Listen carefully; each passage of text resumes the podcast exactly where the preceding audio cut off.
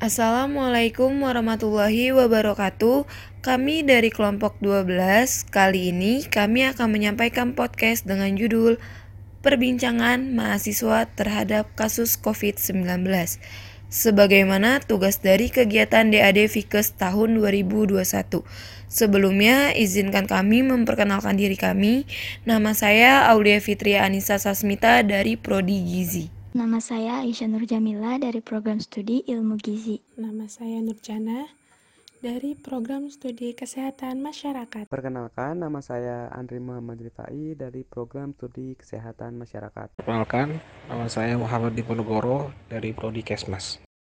Nah, teman-teman, di sini aku punya beberapa pertanyaan nih untuk kalian. Langsung aja kali ya. Aku mau tanya sama kalian, sejauh mana sih kalian tahu tentang kasus COVID-19 saat ini? Uh, baik untuk update tentang COVID-19 saat ini itu kan uh, kita tahu bahwa uh, semenjak setelah lebaran ini kan terus meningkat. Nah, tadi saya melihat itu sekitar ada 20.500 uh, kasus baru dari COVID-19 ini Lalu gimana sih cara kalian nyikapin kasus COVID-19 saat ini gitu kan? Apalagi sekarang lagi diperbincangkan bahwa kayak angka kasus COVID tuh lagi tinggi lagi gitu. Cara aku nyikapin COVID sendiri itu peringatan berupa musibah yang datangnya dari Allah. Karena setiap apa yang terjadi dalam kehidupan, mau itu menurut kita baik atau buruk, itu tuh udah haknya Allah mau ngasih apa ke kita. Ketetapan Allah kita nggak bisa ikut campur. Yang bisa kita lakukan itu adalah dengan menerimanya. Emang kadang setiap ketetapan nggak semua manusia akan langsung menerima. Apalagi kalau hal itu tuh sesuatu yang bahkan kita nggak nggak pernah pengen itu terjadi. Tapi apa boleh buat gitu kan? Allah lebih tahu segalanya.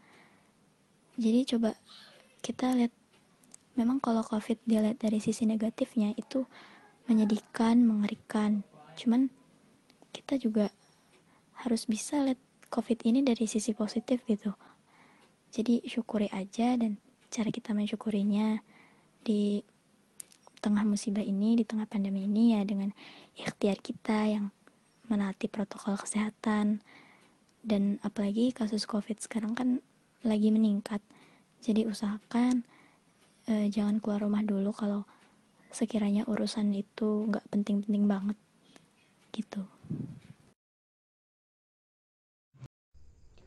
Untuk menyikapi COVID-19 ini, kalau saya pribadi itu eh, tetap santai, tapi eh, dengan tanda kutip tetap santai itu tetap menerapkan protokol kesehatan seperti cuci tangan, menggunakan masker, terus menjaga jarak, eh, menghindari kerumunan, Nah, terus untuk mungkin untuk saat ini itu e, saya lebih berpikir tenang karena apa? Karena kan e, kalau seandainya kita panik akan e, membuat kita stres nih. Nah, seandainya kita e, berpikiran stres terlalu jauh memikirkan COVID-19 ini, akhirnya kan akan mempengaruhi e, daya imunitas kita. Nah, untuk itu kalau saya pribadi itu untuk tetap santai, tapi tet, e, gencar melakukan uh, penerapan protokol kesehatan khususnya kalau ketika kita keluar rumah atau bertemu dengan uh, orang lain seperti itu. Untuk menyikapi tentang COVID salah satunya adalah dengan tidak panik, kemudian sharing informasi yang benar, tidak terlalu memikirkan dan juga tidak terlalu panik, kemudian tidak terlalu leha-leha. Dalam artian kita harus tetap waspada tentang penyakit ini. Kemudian dilanjutkan dengan ikhtiar. Kemudian lanjutkan dengan menetapkan protokol kesehatan serta diimbangi dengan vitamin dan makan memakan makanan yang bergizi. Oke, sekian.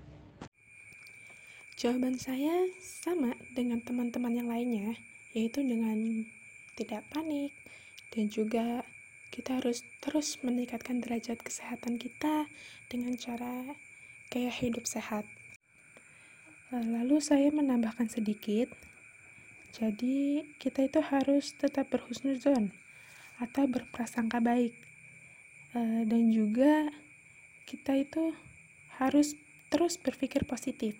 Di balik setiap kejadian pasti ada hikmahnya, termasuk wabah COVID-19 ini, yang di mana berpengaruh baik terhadap lingkungan sekitar, uh, seperti udara yang kotor akibat polusi kendaraan, yang sekarang tuh jauh lebih bersih dibandingkan sebelumnya.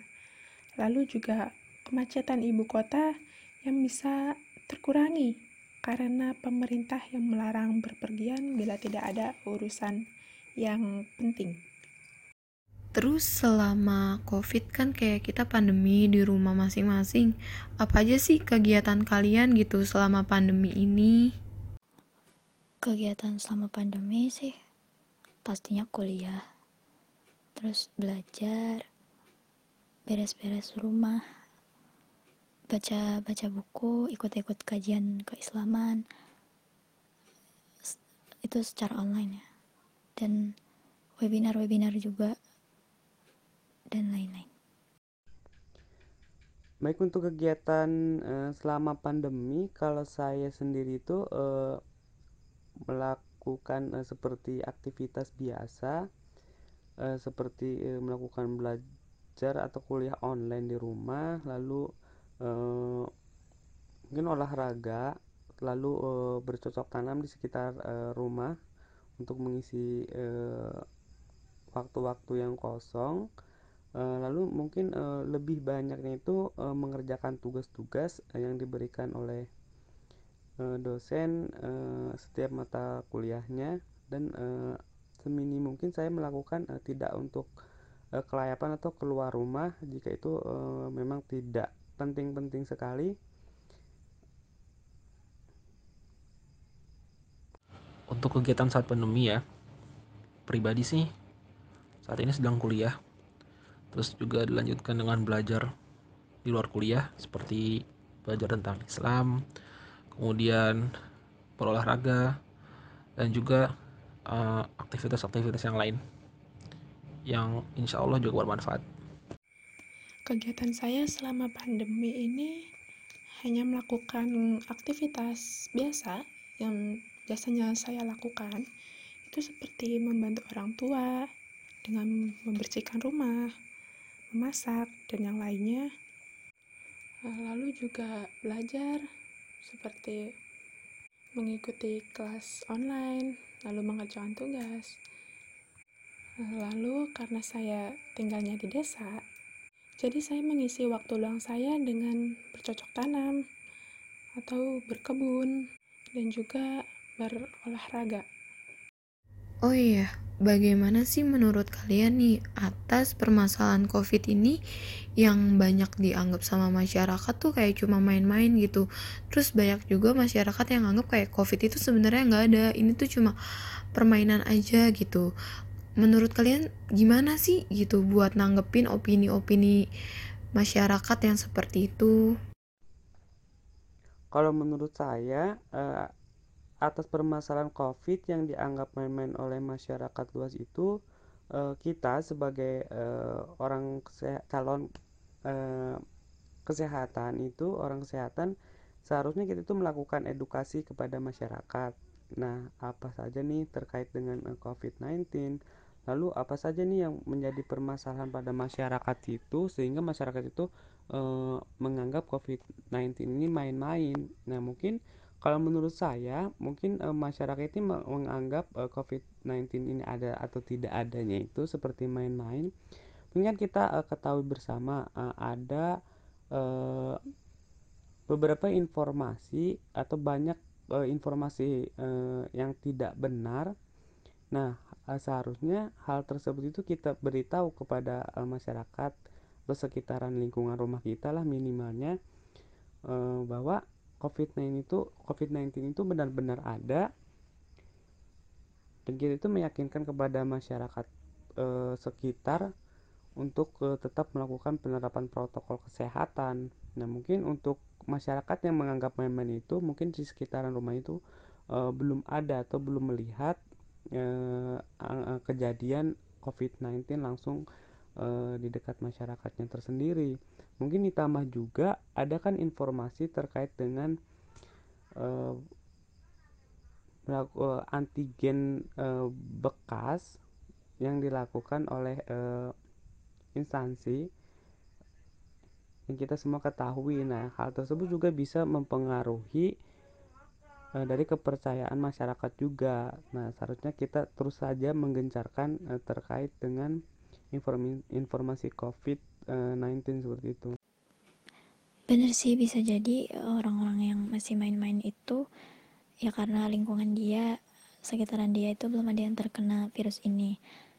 Cuman memang kadang manusia itu ya susah untuk percaya terhadap sesuatu sampai dia yang ngalamin sendiri atau orang-orang terdekat dia yang ngalamin tapi itu juga nauzubillah jadi kita doain aja sih semoga orang yang kayak gitu dapat edukasi yang tepat.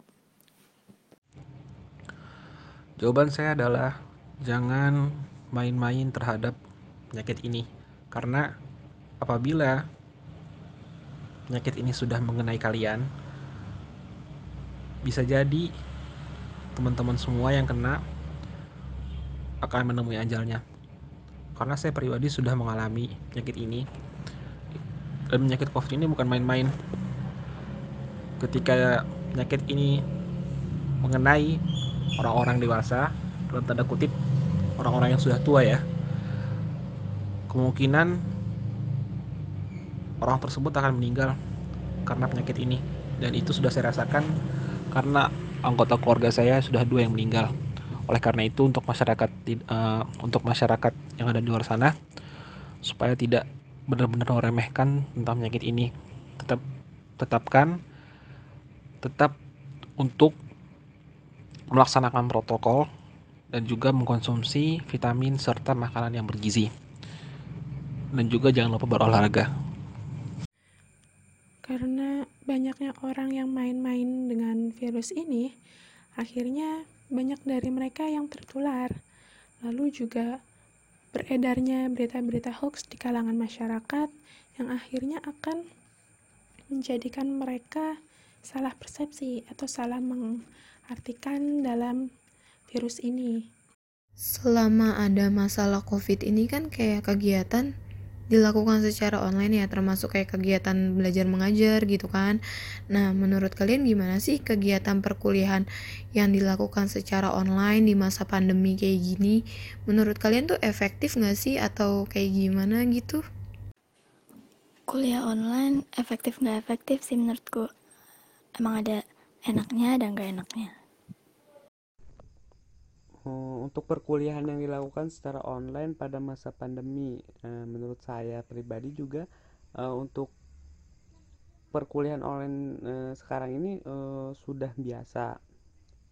Nah sudah terbiasa mungkin karena kita udah beberapa tahun yang lalu udah melakukan kuliah secara online atau daring. Jadi sudah terbiasa saja. Tidak ada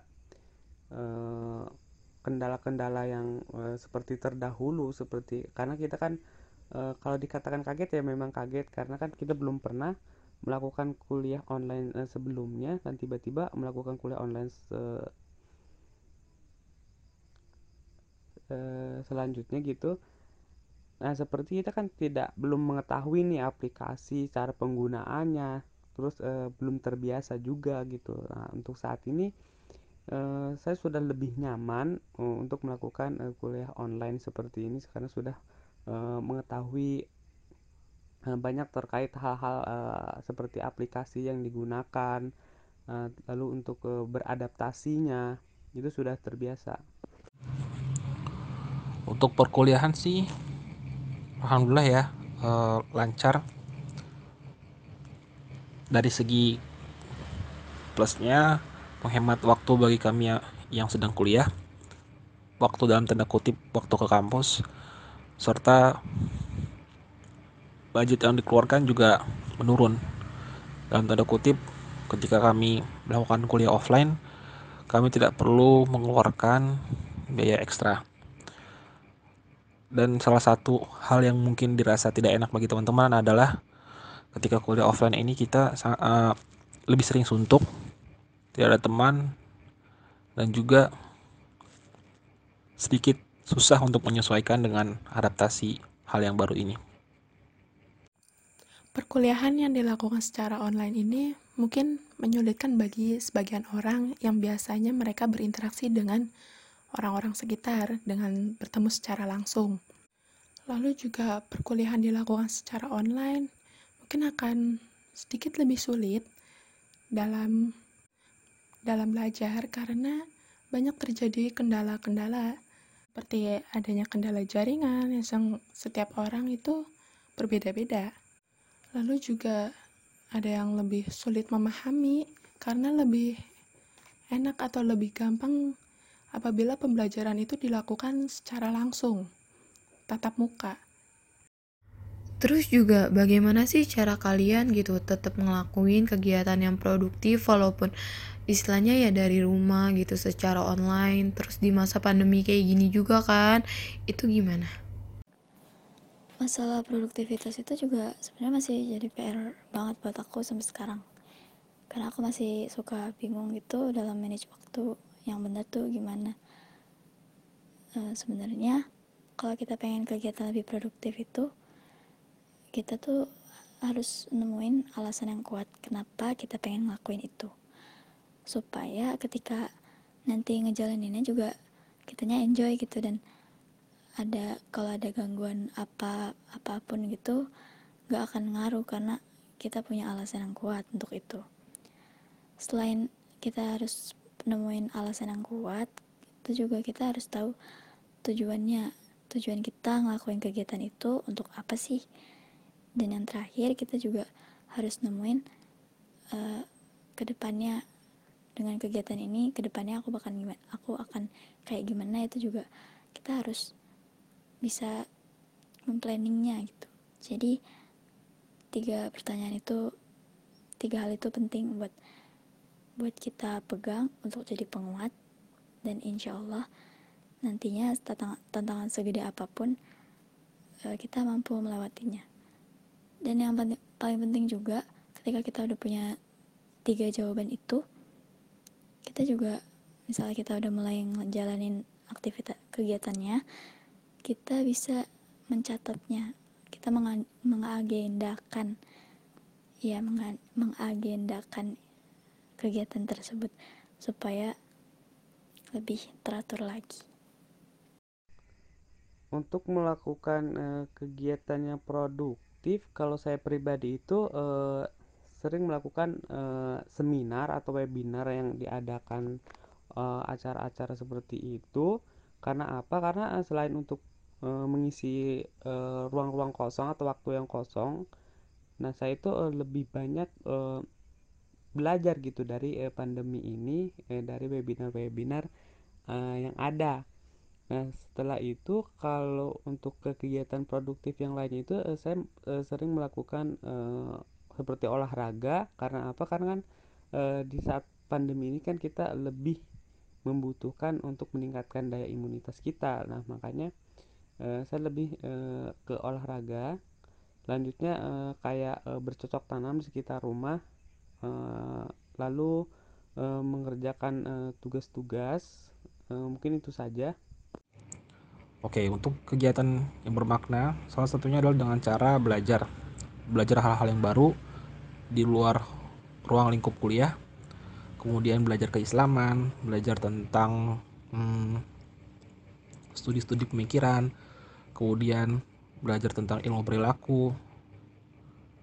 Kemudian dilanjutkan dengan mengunjungi sanak saudara. Bagi yang lain sih mungkin beda-beda ya. Kalau untuk saya pribadi sih dari hal itu. Yang pasti sih dengan melakukan kegiatan-kegiatan yang positif. E, kalau bisa melakukan kegiatan yang akan membawa dampak baik terhadap kesehatan seperti melakukan olahraga di dalam rumah lalu juga kita melakukan komunikasi dengan teman-teman kita secara daring seperti via telepon atau video call yang di mana hal itu akan mengurangi tingkat stres pada diri kita dan juga akan membawa dampak baik terhadap kesehatan mental diri kita sendiri. Oh ya, ini kan ada berita katanya limbah medis itu meningkat sejak masa pandemi ini gitu kan. Terus bagaimana sih pendapat kalian gitu terhadap limbah peningkatan peningkatan limbah medis pada masa Covid gitu. Apalagi kan sekarang Covid makin meningkat, berarti limbah Covid makin banyak dong, ya kan? Itu gimana pendapat kalian? Bahas tentang limbah medis, aku agak bingung sih ngejawabnya. Karena emang mungkin ini masalah yang benar-benar harus ditangani oleh yang profesional di bidangnya. Kalau aku sebagai masyarakat, yang bisa kulakuin mungkin mengurangi penggunaan masker yang sekali pakai untuk meminimalisir limbah-limbah medis yang ada gitu. Ya ini jadi PR baru sih buat aku ya untuk mencari tahu lagi lebih banyak tentang pencegahan-pencegahan limbah medis. Baik untuk uh, pendapat saya tentang meningkatnya limbah medis sejak pandemi COVID-19 ini mungkin kita lebih banyak kembali lagi untuk mengedukasi masyarakat terkait penggunaan masker. Nah, penggunaan masker ini kan e, lebih e, untuk masyarakat itu kan lebih dianjurkan untuk masker yang e, berulang kali dipakai. Tentunya setelah dipakai kita melakukan pencucian e, sesuai dengan e, prosedur kesehatan. Nah, mungkin e, itu juga bisa nih kita lakukan kepada masyarakat untuk mengedukasi e, jika memang tidak diperlukan mas seperti masker medis itu lebih baik tidak digunakan kita menggunakan e, lebih ke masker yang bisa e, berulang kali kita pakai yang bisa kita e, cuci e, dengan demikian e, bisa menekan e, dari e, meningkatnya limbah medis pada e, pandemi COVID-19 ini. Nah, pendapat saya mengenai bertambahnya limbah medis akibat pandemi ini uh, kita itu harus bijak melakukan pembuangan limbah terutama limbah medis. Nah seperti yang kita tahu bahwa limbah medis ini akan membawa bakteri ataupun virus-virus yang apabila limbah ini bercampur dengan limbah domestik ataupun dengan limbah yang lainnya maka akan mencemari lingkungan, terutama pada air, tanah, dan udara. Nah, hal ini juga akan berpengaruh terhadap kesehatan. Oke, untuk limbah medis perlu penanganan yang serius oleh profesional. Mengapa? Karena limbah medis sendiri mencakup virus-virus alat-alat medis yang sudah ter tidak terpakai. Dan bisa jadi dari limbah medis itu sendiri apabila bercampur dengan limbah rumah tangga akan mengakibatkan suatu hal yang tidak diinginkan ataupun reaksi-reaksi berbahaya. Demikian, maka dari itu perlu sanitasi yang baik.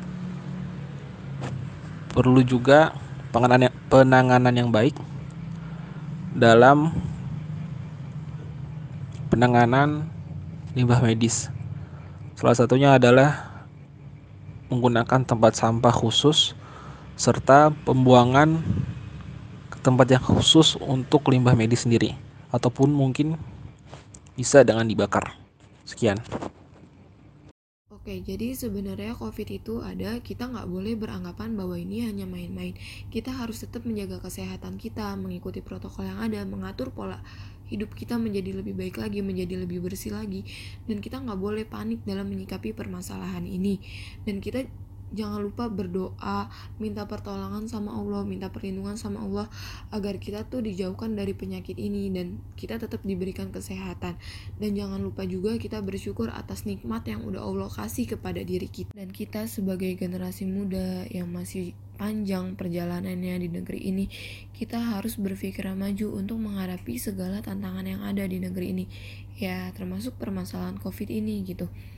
Apalagi harapan kita semua sekarang semoga pandemi ini cepat selesai dan membawa dampak baik untuk negeri kita ke depannya. Amin ya robbal alamin. Sekian podcast kali ini. Terima kasih telah mendengarkan dan menyimak podcast ini. Semoga podcast ini dapat bermanfaat bagi kita semua. Billahi fisabilhaq, fastabikul khairat. Wassalamualaikum warahmatullahi wabarakatuh.